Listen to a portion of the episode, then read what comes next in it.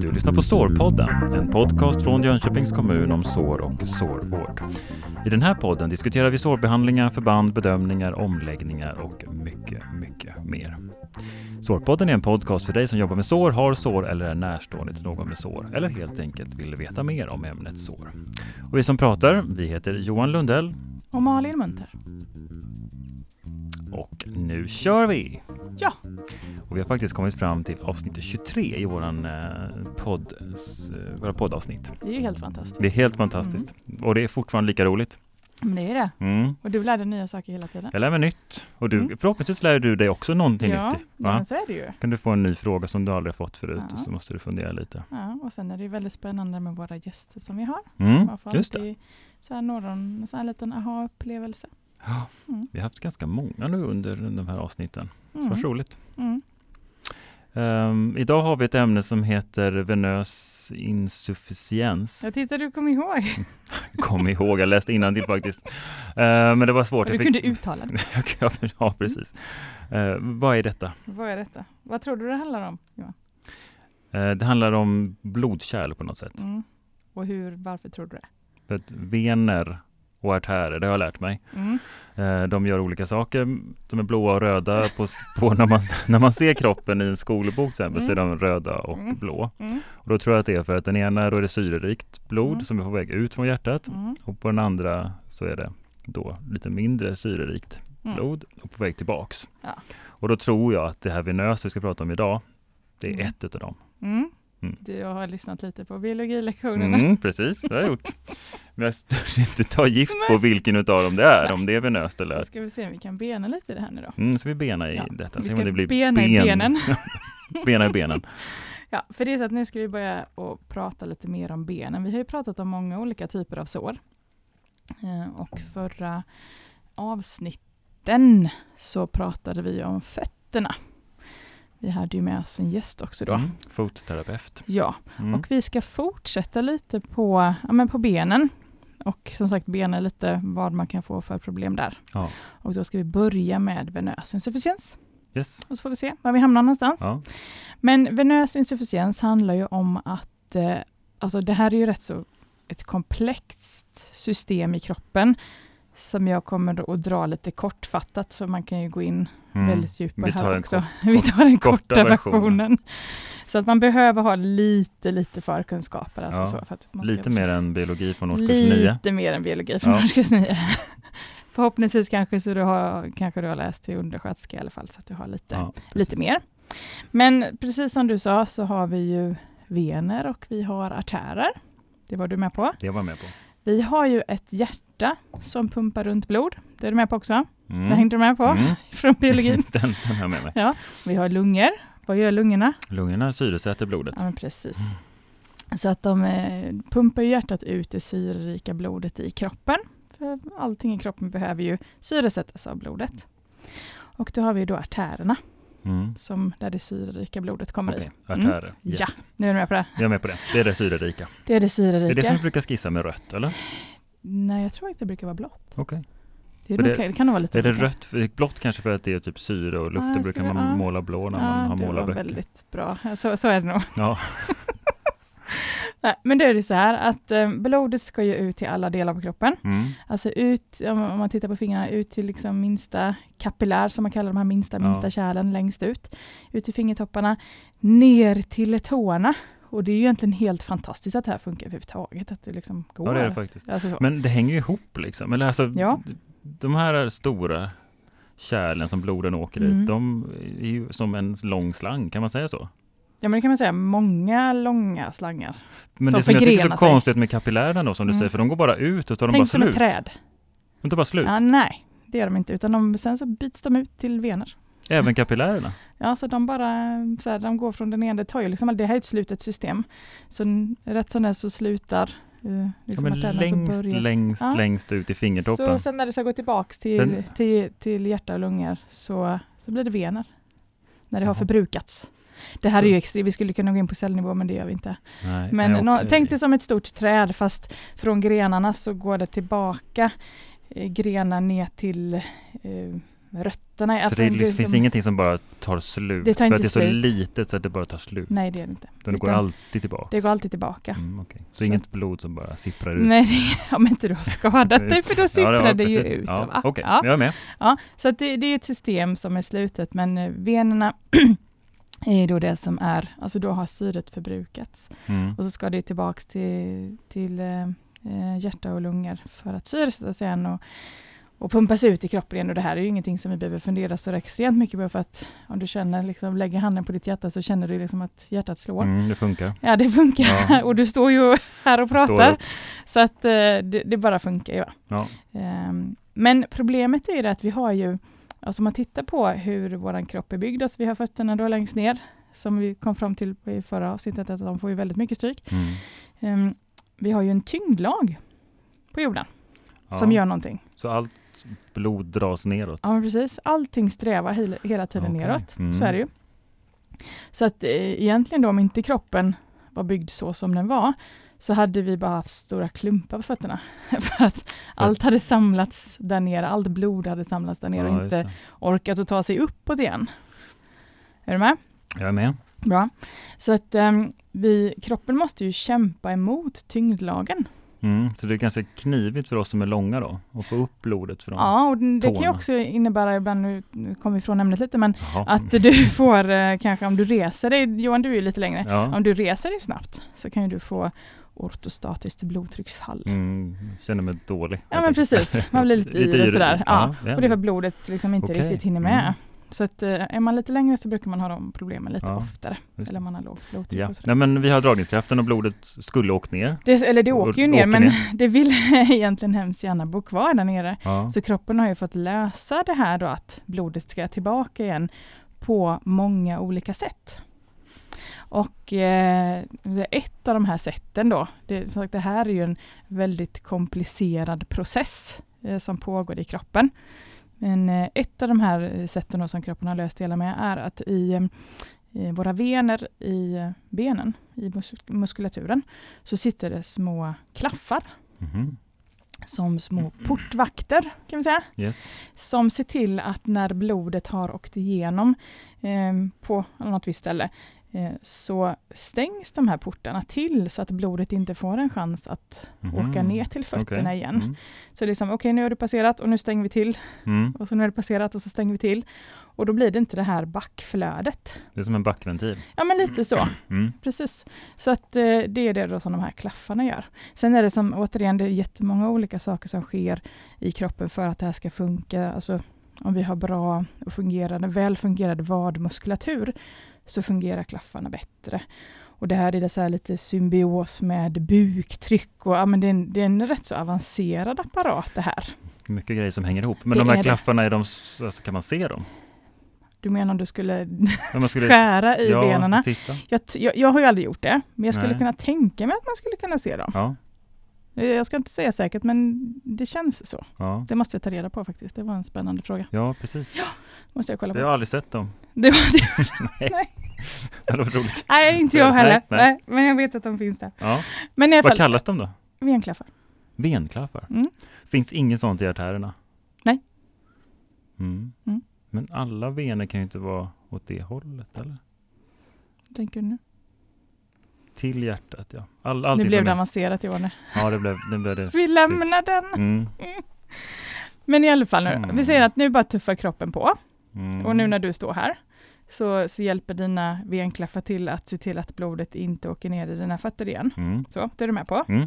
Men nu ser vi så att nu har du eh, någon skada på dina klaffar Ja. på något sätt. Och det här kan ju uppstå av olika anledningar. Man kan ha eh, råkat ut för någon skada rent traumatiskt eller man kan ha fått en propp i, i någon ven och sådär. Det finns många olika saker som gör att det här skulle kunna ske. Men du får något problem med klaffarna. Mm. De här kanske då inte sluter tätt på något sätt. Eller så står de och är lite halvfungerande. Eh, och då får ju blodet en chans att liksom åka neråt igen för att tyngdlagen gäller. Är du med? Mm. För att blodet vill Nu ju vill hela tiden nedåt. Ja. sträva neråt mot fötterna. Men i alla fall då när det här inte funkar så, ja, men då, då åker det neråt. Och ett av de här tecknen som man kan titta på det är att man får börja få lite åderbråck. Jaha. Har du några sådana? Mm, nej, Inte det har jag inte. Nej, men jag har ju sett det. Jag vet Du har ju- sett jag det, vet ja. det. Ja. Ehm, Men då är liksom venerna blir slappa här då? Kan man säga så? vi kommer till detta. Jaha. Mm. Mm. okej. Det är bra att du är nyfiken. Mm. Eh, Men sen kan man ju då ha eh, problem med både de djupa och ytliga vener, för vi har ju liksom inte bara på ett ställe, utan det Mm. är ju i hela, i hela benet. Men i alla fall då, när det här sker, när det här backflödet blir, så eh, vidgar venerna sig. Alltså tänk dig en slang som du liksom försöker trycka ut, alltså så. Den, ja, den blir större. Ja. Och då får vi de här åderbråcken. och sen kan ju klaffarna bli ännu mer förstörda av att det blir det här backflödet som liksom trycker på. Men nu är det, det, det är lite blod som kommer upp? Ja, eller? det är det. Men det står det- liksom lite så här fram och tillbaka. För det är ju aldrig så att det inte är något blod som kommer tillbaka till hjärtat alls, men det är ändå en viss del som, som inte gör det. Som aldrig kommer upp? Nej. Mhm. Det måste bli gammalt dåligt blod sånt. Gammalt Men det cirkulerar ju inte. Nej, Ligger men det det blir säkert så att det blir något utbyte på något sätt, men inte det som är tänkt. Nej. Mm. Men åderbråck då, ursäkta. Men Ja. alltså, är det bara på vener? Ja, eh, jag tror det faktiskt. Jag, jag har inte hört någon som har pratat om att man får åderbråck på artärsidan. Jag kan ha fel här. Mm. Eh, måste jag det nästan, tror jag inte. Men jag måste faktiskt nästan titta lite på det. Men jag har inte hört om det Nej. faktiskt. Men det som händer när det här sker är att huden får inte näring. Mm. Det som är tänkt med, med allt vad det innebär. Och sen även de slaggprodukterna som är tänkt att liksom följa med blodet. För det sker ju, alltså ett näringsutbyte sker ju hela tiden med tillförsel av nya näringsämnen och bortforsling av slaggprodukter. Det blir inte optimalt. Det, nej, i och med att det står där och, och hänger Ja, precis. så, det, så händer inte det. det som är slagg i blodet, det stannar kvar där ja, nere. men precis. Men drabbas då områdena efter också? Hur menar du? Om man har det här problemet nere på foten och så Mm. måste det ju, här, blodet ska ju ända upp till hjärtat så Ja, man får passera ju lår och mage. Mm. Och, Oftast så de problemen som vi stöter på är ju framförallt upp till knät. Okej. Eh, sen så kan jag ju tänka mig att som alltså kanske lite yngre patienter med diverse olika sjukdomar eh, som går till kärlkirurgen, de ser ju säkert eh, alltså väldigt många fler olika typer än vad vi gör och möter i våra verksamheter. Mm. Skulle absolut Men här är det upp till knäna egentligen. Ja, det är framförallt de problemen som vi ser. Ja. Men ehm, utav det här, alltså alla de grejerna som sker, så kan ju patienten nu få alltså symptom av detta. Eh, till exempel eh, eksem på, på underbenen och lite klåda. Eh, och lite rodnad och huden kan bli lite brunfärgad. Och patienter känner sig lite tung i benen och sådär. Mm. Och om det här får fortgå under en period, och det här brukar, alltså det här brukar inte uppstå över en natt, utan det här tar lite tid, oftast. Då eh, kan det vara så att patienten går med de här bekymren och de här besvären. Och så slår man i någonting, någon liten kant någonstans, någon liten Mm. bordskant eller något. Och så blir det ett litet sår där. Och det här såret då kanske man sätter på ett plåster. Men det här såret läker inte. Så som det normalt sett gör om vi kanske slår oss på armen eller något sånt där. Ja. Utan det bara finns. Och så går det ett par veckor. Och så kanske det går några månader och man söker inte hjälp utan man har satt på det här lilla plåstret. Ja. Men det händer ingenting och det kanske till och med blir värre. Men Det blir egentligen, större. Egentligen är det då, vad ska man säga, citationstecken, en vanlig skada i början. Det här är inget trycksår utan Nej. här får man yttre skada på, Ja. på ben eller underben Ja, eller fot. Ja. Ja. Men på grund av att du har de här bakomliggande faktorerna så kommer ju det här såret inte att läka. Nej, men det märker man ju. Ja, men det är ändå det att väldigt många går med de här Ja. och söker inte hjälp. För Men man tänker man att det kommer läka. Det kommer att läka Ja. och så går man alldeles för lång tid innan man söker hjälp. Och det är så att, och det gäller ju med alla sår, att ju längre ett sår är öppet, desto Mm. längre eller svårare är det att alltså läka det. Så att hade man sökt hjälp eller gjort rätt saker från början så hade det läkt mycket fortare. Och det här gäller ju även alltså i sjukvården, att vi måste liksom fånga upp de här patienterna och se när de har de här bekymren innan de slår i någonting. Ja. Eh, och fånga upp det och göra någonting åt det. För att då kanske det inte ens behöver bli något sår. Och det är lite vår uppgift. Det är det man vill hela. undvika. Såren. Mm. Men det då som de här patienterna kan känna, det är att de får ödem. Vet du vad ödem är Johan? Nej, jag vet nog vad det är, men jag törs inte gissa. Det är, Nej, men ödem, det är ju en sån här blodsamling. Under huden. Som ett blåmärke fast ändå inte. Ja, det är en bra gissning. Men Ja. ödem är, vi är svullna på benen liksom. Mm. Mm. Eh, det är ödem. Så att det behöver inte bara liksom vara blod, så det kan vara liksom lymfvätska och många saker. Ja, Man okej. blir liksom större på i omfångsmässigt. Ja. Eh, man kan få så här pittingödem. Mhm. Så att om, om du, jag får låna din arm Det får du göra. Ja, jag tar min arm och så. Ja, jag, ska inget, jag har inget klister här nu. Inget klister och inga, inget vassa saker. Eh, man brukar göra så här på Trycker patienter. hon att lite på, lätt ah, på armen? Aj, Nej. ja. Jag tycker det är så hårt. Hård. Ja. Och så tycker hon nog att huden går tillbaks här nu. eller? Ja, alltså för att om man har en patient som har riktigt kraftig ödem och man gör så här som jag gör på, jag dig nu, Mm. som jag trycker ner, då hade fingret stannat kvar. Det blir liksom som en, Som en grop, grop, i hela okej. benet, där fingret är. I benet? Alltså, be, alltså i Ja, ja. skinnet, Ja, ja, ben, ja. alltså så. Ja. Inte skelettbenet, utan benet, Ja, benet. Ja, fattar. Då blir det i alla fall en grop där. Ja. Och då ser man att det är då är man ju riktigt svullen. Ja. Och det är liksom... Hur, hur lång tid tar det innan det går ihop igen då? Ja, det kan ta några minuter. Ja, okej, och då ser man direkt, det Ja, här är ja. inte som Ja, det ja. ska. För Ja, annars kan man ju vara lite trög i, Ja, ja, ja. Gissar jag. Ja, Mm. och sen så kan man ju så här, man kan ju mäta mä- vätskebrist och sånt när man klämmer lite på huden och sådär också. Ja. Turgor heter det. Just det, men det går ihop. Mm, har du koll på den? Nej, inte att den heter det, men klart att man går ju ofta och känner sig lite så här, Mm. och jag vätskebrist, Ja, och så klämmer jag lite på, på handryggen här. Och Ja, Men det, det är inte känns riktigt samma sak. bra. Nej, Nej. okej. Utan man, man trycker och så ser man, blir det en grop och den här gropen stannar kvar, Mm. då har man ju alltså väldiga ödem på sina Ja. ben. Ja. Och sen att patienterna känner sig tung i benen. Jag vet inte, du kanske har någon sån dag eller om du har varit ute och sprungit mycket, Mm. att man känner sig, alltså en tyngdkänsla. Mm, att det går extremt trögt. Ja, men precis, man, man, man är trött. Och det som brukar vara eh, lite speciellt med det är att det, det här tyngdkänslan i benen den lättar om man får benen lite högt. Så om man sätter sig ner i soffan och, och eh, sätter benen på en pall eller någonting Ja. så brukar det här lätta. Då hjälper man till liksom, Ja, skjuta tillbaks Ja, men blodet. precis. blodet. Mm. precis.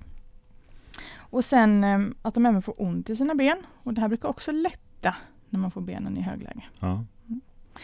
Och sen som jag sa innan, här lite, huden blir lite brunfärgad och eksem, det kliar lite grann.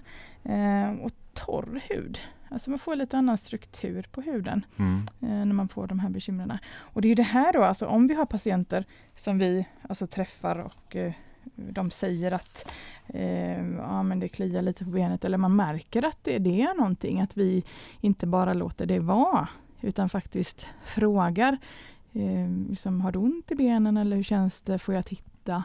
Mm. Ehm, ja, och att man faktiskt gräver lite rätt och är lite detektiv. För att kan vi fånga upp patienten redan där så kan vi göra jättemycket för att de inte ska få alltså, lidande längre fram. Vilken är den första varningssignalen där när du vill ställa följdfrågor? Liksom? Nej, men det är alltså om man känner att någon eh, liksom har en tyngdkänsla i benen och man kollar och man ser att de är svullna. Mm. Då direkt så skulle jag ju mäta ett ankeltryck så Ja, du nu vet hur Ja, det funkar. Mm. Eh, så att man ser att eh, det arteriella systemet eh, är okej då. Och sen så skulle jag erbjuda kompression. Kompressions... Vi kommer till det. Vi kommer till det. Mm. Det är Precis. lite det som är temat här för den här. Ja. Men i alla fall om man nu då skulle få, eh, tyvärr då råka drabbas av sår på det här benet, eller benen som har de här problemen, så finns det vissa saker som brukar vara eh, som är lite lika med de här. Som är liksom just för de här med venös insufficiens som vi då kallar det. Så- Vad som, vad som är lika? Ja, alltså eh, var de här såren brukar sitta och hur de brukar se Okej. ut och sådär. Mm. Och då brukar man säga att eh, någonstans runt malleolerna, Mm. Är Någonstans malleol? vid fotknölarna. Mm. mm.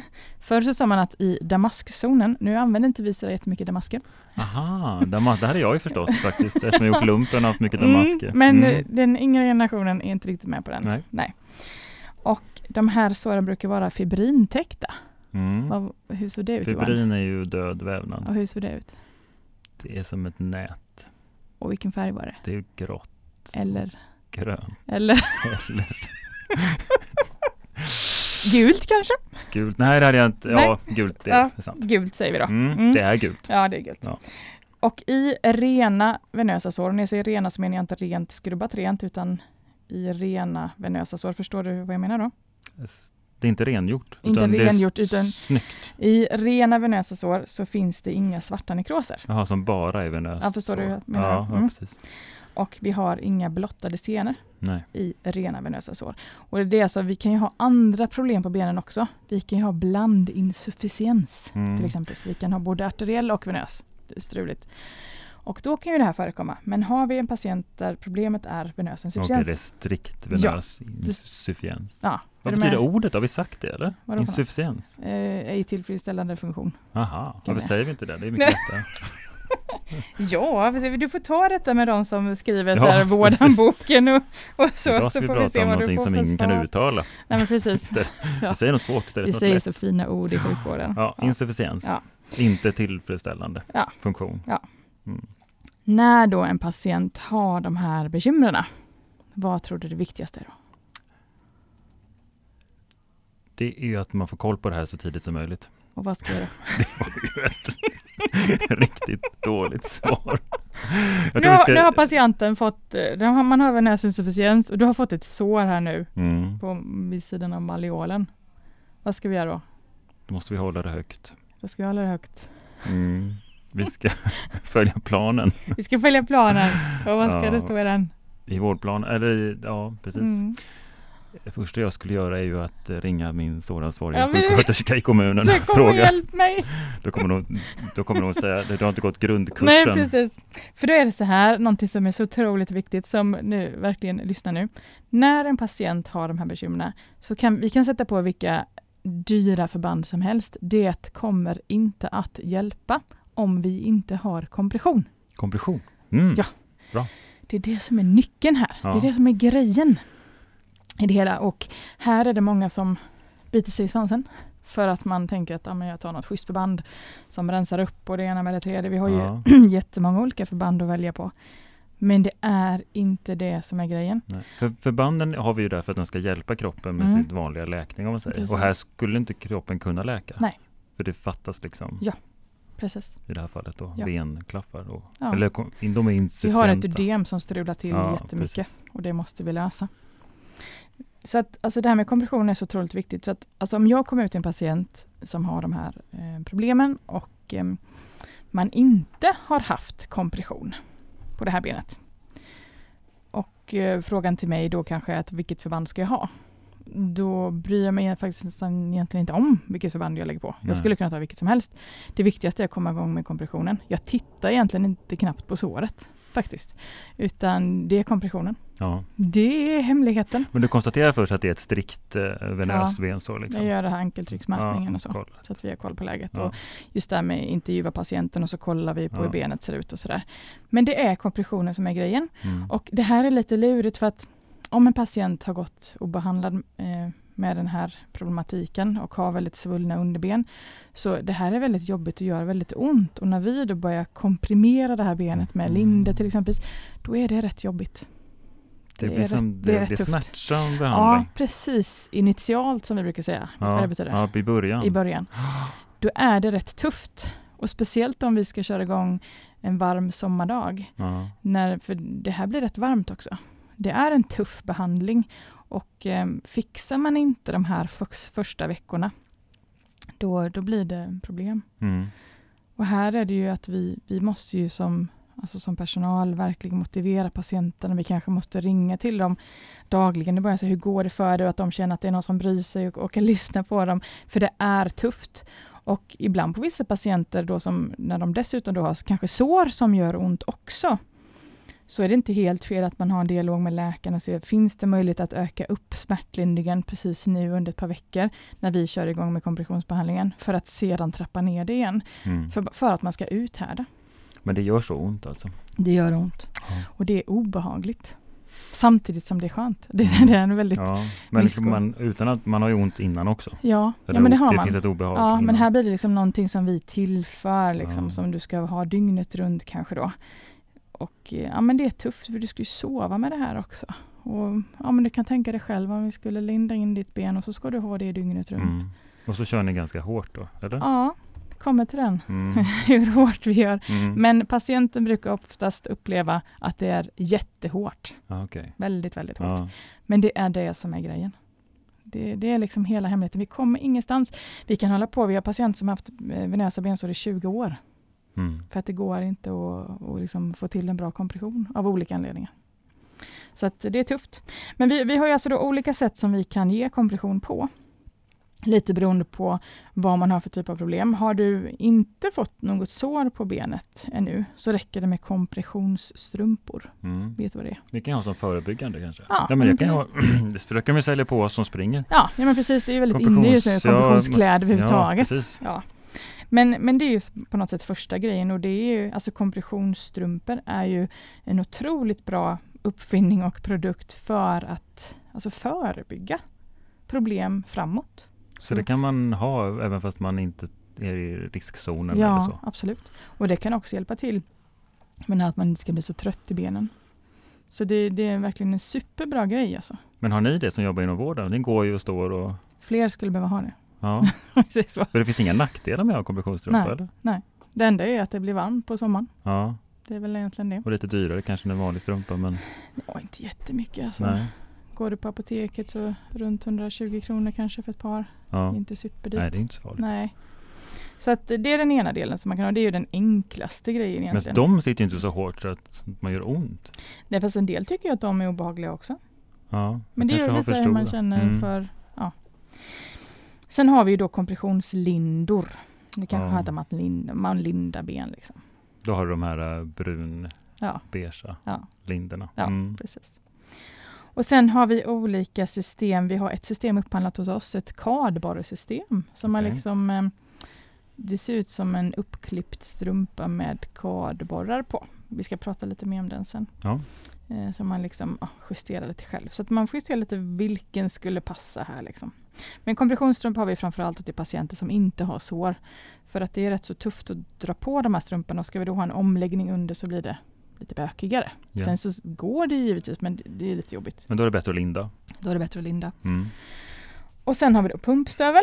Ja. Har du talat om det? Nej. Det ser ut som en, em, en stövel som är gjord av eh, du vet sån här luftmadrass som du badar med På sommaren? på sommaren. Eller sover på Typ. när, ja precis. Ja, när du tältar. när jag golvförläggning? Ja, om ja. vi säger så. Ett sånt material fast i en stövel och så är det en pump som är till, eller en maskin, som pumpar in och ut luft då ur den här stöveln som man sätter på benet. Så att man trycker vätskan uppåt. Okej, Så. men det här är också hårt tryck då? Det är också rätt svårt, man ställer in här hur hårt tryck man vill ha då, Ja, med den här. Mm. Hängde du med på de här? ja precis. Vi pratade om någon sån här stövel förut som man kan ha för att eh, ja, inte såret ska vara i tryck. Men det är en annan stövel då eller? Utan det är fotsår, vi pratade om med fotterapeuten. Där hade hon ju någon variant, de kallar det för någon stövel. Ja, det var en annan stövel. Ja, Ja, det, var en, det är en helt annan. det är för att mer för att skapa liksom avlastning. Ja, men precis. Ja, så det här är något pratar vi annat. helt Yes, annat. Yes. pratar vi inte om det idag. Nej. Nej. Struntar vi i Jag det. ska inte blanda ihop det för Nej. mycket. Men eh, vad är det egentligen som, som händer nu då när du gjort de här kompressionsinsatserna på benet? Eh, Oavsett om det är linda eller stru- strumpa eller vad det nu kan vara. Jo, det är så att ödemet minskar. Det är liksom det Själva svullnaden svullnaden går bort, minskar. du trycker Precis, bort vi den på något trycker sätt. bort det. Ja. Och om, om, om man använder kompressionslindar och lindar så som man vill göra Mm. och patienten är med på den resan så eh, kan vi trycka bort ett kraftigt ödem rätt så snabbt faktiskt. Men ehm, det här är ju, ja, patienten måste ju vara med på resan och Mm. känna att Men rätt så snabbt, i några dagar eller? Alltså på en vecka så kan man ju sätta en minskning på flera centimeter Okej. på eh, ankelomfång och på vad. Ja. Så att det går att trycka bort rätt så rejält Ja. faktiskt. Men så att ödemet minskar och svullnaden minskar. eh, utspänningen av benen när de liksom drar ihop sig lite grann. Så, Mm. så det, det är väldigt positivt. Och man får en, vad ska man säga, vadmuskeln får en, eh, vad säga, en yttre vägg att jobba mot och då fungerar muskeln lite bättre. Och när muskeln funkar bättre så funkar klaffarna bättre. ja, precis. Du får en liten motstånd helt enkelt lite att motstånd. jobba, jobba Ja. med. Ja. Men brukar du känna det, eller använder du sådana här kompressionsstrumpor när du springer? Alltså jag, jag har ju, jag har ju kompressions Mm. tights. Ja. Känner du någon skillnad? som du beskriver som att det ska göra ont liksom. Jag har fel storlek på mina. Ja, det har du nog. Men- du har nog inte gjort rätt. Jag har nog inte gjort Nej, rätt. det alltså, så, nej, men jag tycker det, de är snygga. Ja, de är snygga. Okej. Mm. Eh, Men i alla fall då, när vi har det också så blir klaffarna då mer funktionsdugliga. Eh, och när vi då minskar vendiameter som vi pratade om att mm, ja, de går ihop lite grann så, så får eh, blodet högre fart tillbaka. Och sen så lindrar det tyngdkänslan som man då kan känna. Så man, det händer många bra grejer om man orkar att hålla ut. Ja. Det är liksom den här, Men kan man ta en paus i en sån här kompressionsbehandling? nej, För då blir det det ja, med stort det här är igen. livslång. Ja, va? Men jag tänkte att kan man bara liksom linda på så kör man någon dag och så kanske man kan få en dags paus tänkte Nej. jag. Och sen komma tillbaks igen. Nej.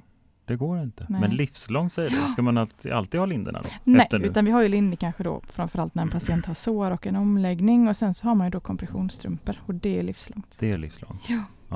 Så att, eh, och, och många, vad ska man säga, vänjer sig vid detta och vad ska man säga, accepterar det och eh, väljer att, att ha det och man förstår att använder jag de här så får jag mindre problem av något annat. Mm. Det finns ingen risk att det stoppar artärerna? Men- Nej, vi kollar ju flödet där innan då med, med dopplermätaren med ankeltrycket. Ja, Och det här behöver man ju kolla med viss regelbundenhet, kanske någon gång per år eller så. så att det inte blir blodstopp liksom? Ja, och det är ju som sagt, vi är rädda då för att artärerna ska påverkas, men vi, vi kollar ju de här undersökningarna och det är ju det man måste göra. Mm. Men går det inte bara att kolla på tårna och så klämmer man, ser den vit ut och så? Alltså vissa skulle nog säga att man gör det, men eh, vi har ju ingen röntgensyn på något sätt. Vi kan inte avgöra det. Man kan ju gå efter vissa, ja, men som Monica sa då, fotvårdsterapeuten, att man kan se om man har behåring och sådär. Men vi ska ta ankeltryck. Ja. Så enkelt är det. Men alltså nu säger livslångt och man, kan, Mm. man ska inte upphöra, men man kan ju ta av sig strumpan Ja, och ja. duscha. Ja, ja, men visst, Det är självklart. inte det. Nej, nej, nej. Och på natten och så vidare så kan man ju ta av den också. Men eh, du behöver ha den dagtid när du... Kan det finnas en fördel att ha, höja upp benen? Ja, jättebra. Vi har ju så här på våra patientråd som vi lämnar ut skriftlig information så står det lite så här tänk på det här och gör det här och då är det ju just högläge man kan man kan eh, ha eh, en höjd eh, fotända på sängen, man kan lägga klossar eller böcker under fotändan för att få liksom lite mer tillbakaflöde sådär. Ja. Ja. Men eh, det finns ju då vissa regler som man behöver följa när det gäller kompression. För det är inte bara att komprimera. Nej. Det är mycket missförstånd här. Så tänkte vi ska bena lite rätt. Mm. För sagt, vi ska försöka uppnå någonting som kallas för graderad kompression. Okej, från lite till mycket. Ja men titta, Mm. du kan ju detta Johan. yes! Och då är det så här att längst ner vid ankeln, det vet du vad ankeln är? Ja, Mm, där ska det vi ha hårdast tryck. mm. längst sen ner vid ska det foten vara- liksom. Ja, sen ska det vara avtagande. Ju högre upp mot knät som du kommer så ska det bli lösare. Okej. Och det försöker vi liksom eftersträva. Ja. Att det ska vara en graderad kompression hela tiden. Tittar man på kompressionsstrumpor så är de tillverkade utifrån den principen så att vi behöver inte fundera så mycket på det. Nej. När det gäller lindor så blir det ju, alltså beror det ju väldigt mycket på hur jag som lindar gör hur det blir. Ja, det, Så att det krävs otrolig kunskap för att liksom, få till det här rätt. Och här har vi mycket att jobba på ja, ute i Sverige och världen. ja, För att man tar det här lite lättvindigt och man förstår inte hur mycket det är man behöver förstå. nej. Helt enkelt. nej, men det kan jag tänka mig, alltså, Mm. att det är en utmaning. Men då ska man, som hårdast längst ner sa Mm. du, vid foten. Mm. Och sen lite lösa, men det ska aldrig vara löst. Det ska aldrig vara löst. nej. Om jag förstod ska det rätt, att det ska göra. Lite, lite hårt ska, Lite det hårt ska det vara. Men hårdast är vid ankeln. ja. Men som sagt, det här, alltså alla de där ute som lindar ben skulle jag vilja påstå. Eh, inte, alltså alla har inte den kompetens som man behöver ha för att, att klara av det här Nej. faktiskt.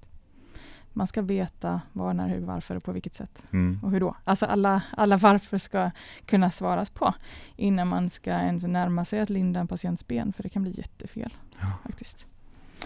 Men om vi nu då ska linda ett ben, så förutom då att få den här graderade kompressionen, så ska vi faktiskt uppnå, försöka uppnå vissa tryck på vissa punkter på Mhm. benet, benen.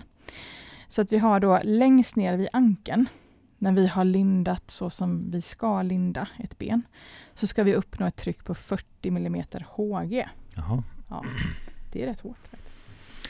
Det är ingen referens alls för mig. Nej, om man skulle ta ett blodtrycksmanschett, vet du vad det är man tar blodtryck? Ja. Mm. Om jag skulle sätta den på, ditt, eh, på din ankel och pumpa upp till 40, Mm. det är liksom den trycket utifrån. Liksom. Okej, då skulle jag Mm. känna sluta. Eller? Är det så pass? Ja, det är ju väldigt eh, olika, men man skulle känna att det trycker åt. Ja, men det här måste ju bero på också ödemen och... Ja, fast Alltså är det alltid 40? Ja, det är det vi ska eftersträva. Men sen så kommer det massa män här sen då som Okej. vi Mm. ta. 40 längst ner? ska 40 längst ner och sen när kommer vi upp lite grann på benet. Då har vi 30. Och sen skulle det vara avtagande, så vad tror du det ska vara längst upp mot knät? Ja, jag drar till med 20. Ja, precis. Men, Precis men, kan du gå in med något instrument och säga att det verkligen blev 20? gud vad 30? du är ju för...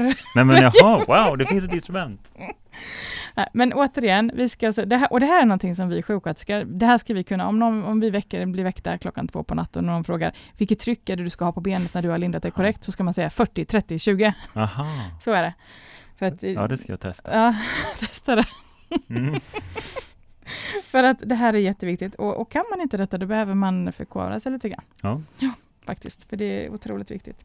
Men då, som sagt, då är ju frågan, hur, nu, vi säger nu att jag har lindat eh, ditt ben. Ja. Hur ska jag kunna veta då att jag har lindat rätt? Man, antingen så, jag skulle ju sticka in ett finger och känna hur det känns. Men Mm. då kommer du säga, då är det för slappt. Får jag in ett finger, då är det, Ja, men känner du så här, det här är 20?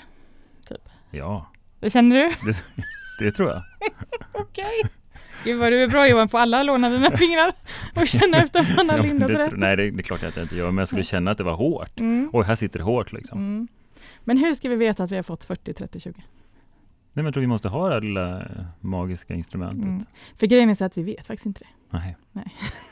Men det finns ju vissa regler som vi ska prata om eh, i nästa program Okej. som man behöver följa och följer man dem då är oddsen rätt så stora att man faktiskt prickar rätt hyfsat. Ja. Så, det är inte, det är ingen exakt vetenskap men man ska ju, du ska liksom inte hamna på 20 längst ner och 40 längst upp Nej. utan det ska ju verkligen vara så här. Men det finns ju då olika eh, sätt att, alltså man behöver ju öva och linda och det finns faktiskt övningsmätare Ah, så man kan se om man är en hård eller löslindare. just det. För att vi har lite olika egenskaper faktiskt så. Eh, för, några år Vad är, sedan vad är var, du för något? då? jag, för några år sedan var jag en löslindare. ja. Så att jag har fått lära mig att liksom ta, ta i lite Men mer. trodde du då att du gjorde rätt och bra? Ja, det trodde jag. Och så kom det någon och sa att du Malin det här. Mm. Vi, Det gjorde faktiskt, vi gjorde faktiskt ett test på, på sjuksköterskorna i Jönköpings kommun för några år sedan. Och då, alltså vi är ju 260 sjuksköterskor. Ja. Så under ett års tid så hade jag utbildningen där man fick prova och se med de här mätarna då om hur man lindade. Och jag skulle vilja påstå att 80 procent ungefär lindade alldeles för löst. Man kom ungefär på 20 längst ner vid ankeln. Och eh, sen var det ju alltid någon i någon grupp som prickade helt rätt. Liksom så. Mm. Och sen så hade vi någon hårdlindare som kom på typ 80 längst ner. Det var det hårt. Ja. Så att man behöver lära känna sig själv och öva med de här faktiskt.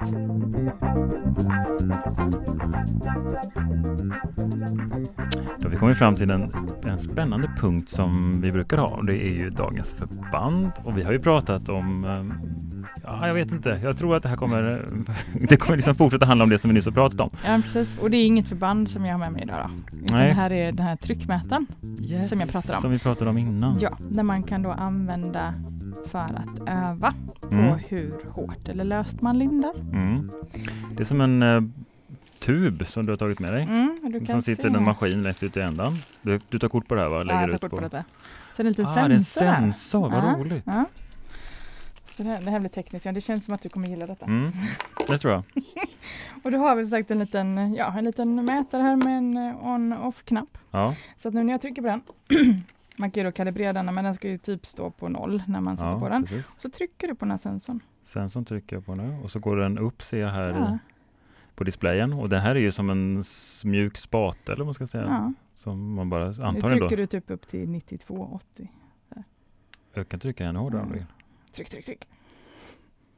Och det här blir som en tävling. Ja, Nej, precis. Vem kan trycka hårdast? finns det ingen risk att man trycker sönder den? Nej, finns det inte. Men de här använder vi då, då lindar vi ju in den här mätaren. Ja. Och det här blåa höljet som du ser här, det är ju för att vi ska kunna få upp den sen. Så man lindar in den och Aha. sätter den vid ankeln. Ja, Och så lindar man hela benet och sen så drar man i det här blåa överdraget som är som en liten, vad ska vi säga, plast... eh, plasttub, Ja. lång. Ja. Så drar man i denna och så får man med sig den här mätaren upp och då ser man också vad man hamnar på i tryck på de andra ställena på benet. Aha, smart. Förstår du tanken? Ja, precis. Så du, kan du läsa, läsa av trycket på alla ställena. Ja, Och då om, man, när du skulle, om du skulle göra det här nu, då hade Mm. du fått 80, t- inte 30, 80 hoppas jag inte. 40, 30, 20 var det man skulle ha. det hade du fått nu eller? Eh, förhoppningsvis har jag fått i alla fall i närheten. Det är jättesvårt att komma exakt. Ja. Men det viktigaste är att man får en gradering och att du hamnar runt detta i alla fall. Ja, du ska ju inte hamna på 20 i alla fall längst ner, Nej. för det är ju mesigt. det är mesigt. Det är mesigt. Vad, vad är det du säger när du ska gå och hämta den här? Nu går jag och hämtar Tryckmätaren. tryckmätaren och då Mm. går det inte att ta fel.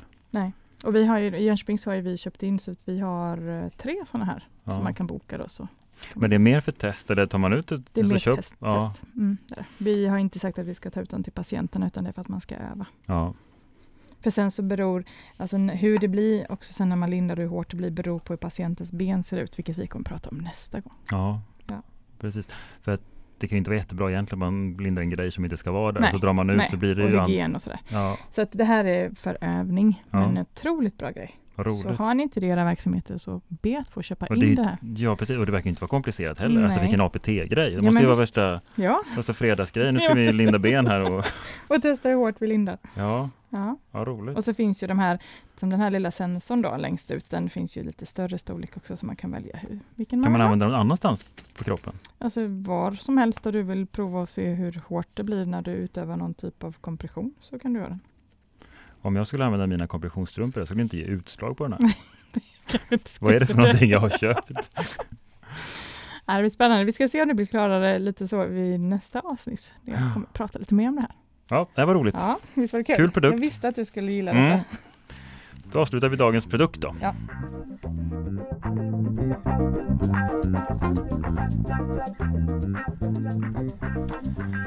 Ja, då har vi testat tryckmätare. Det var faktiskt eh, kul och överraskande Mm. roligt. Jag visste att du skulle gilla det. Ja, precis.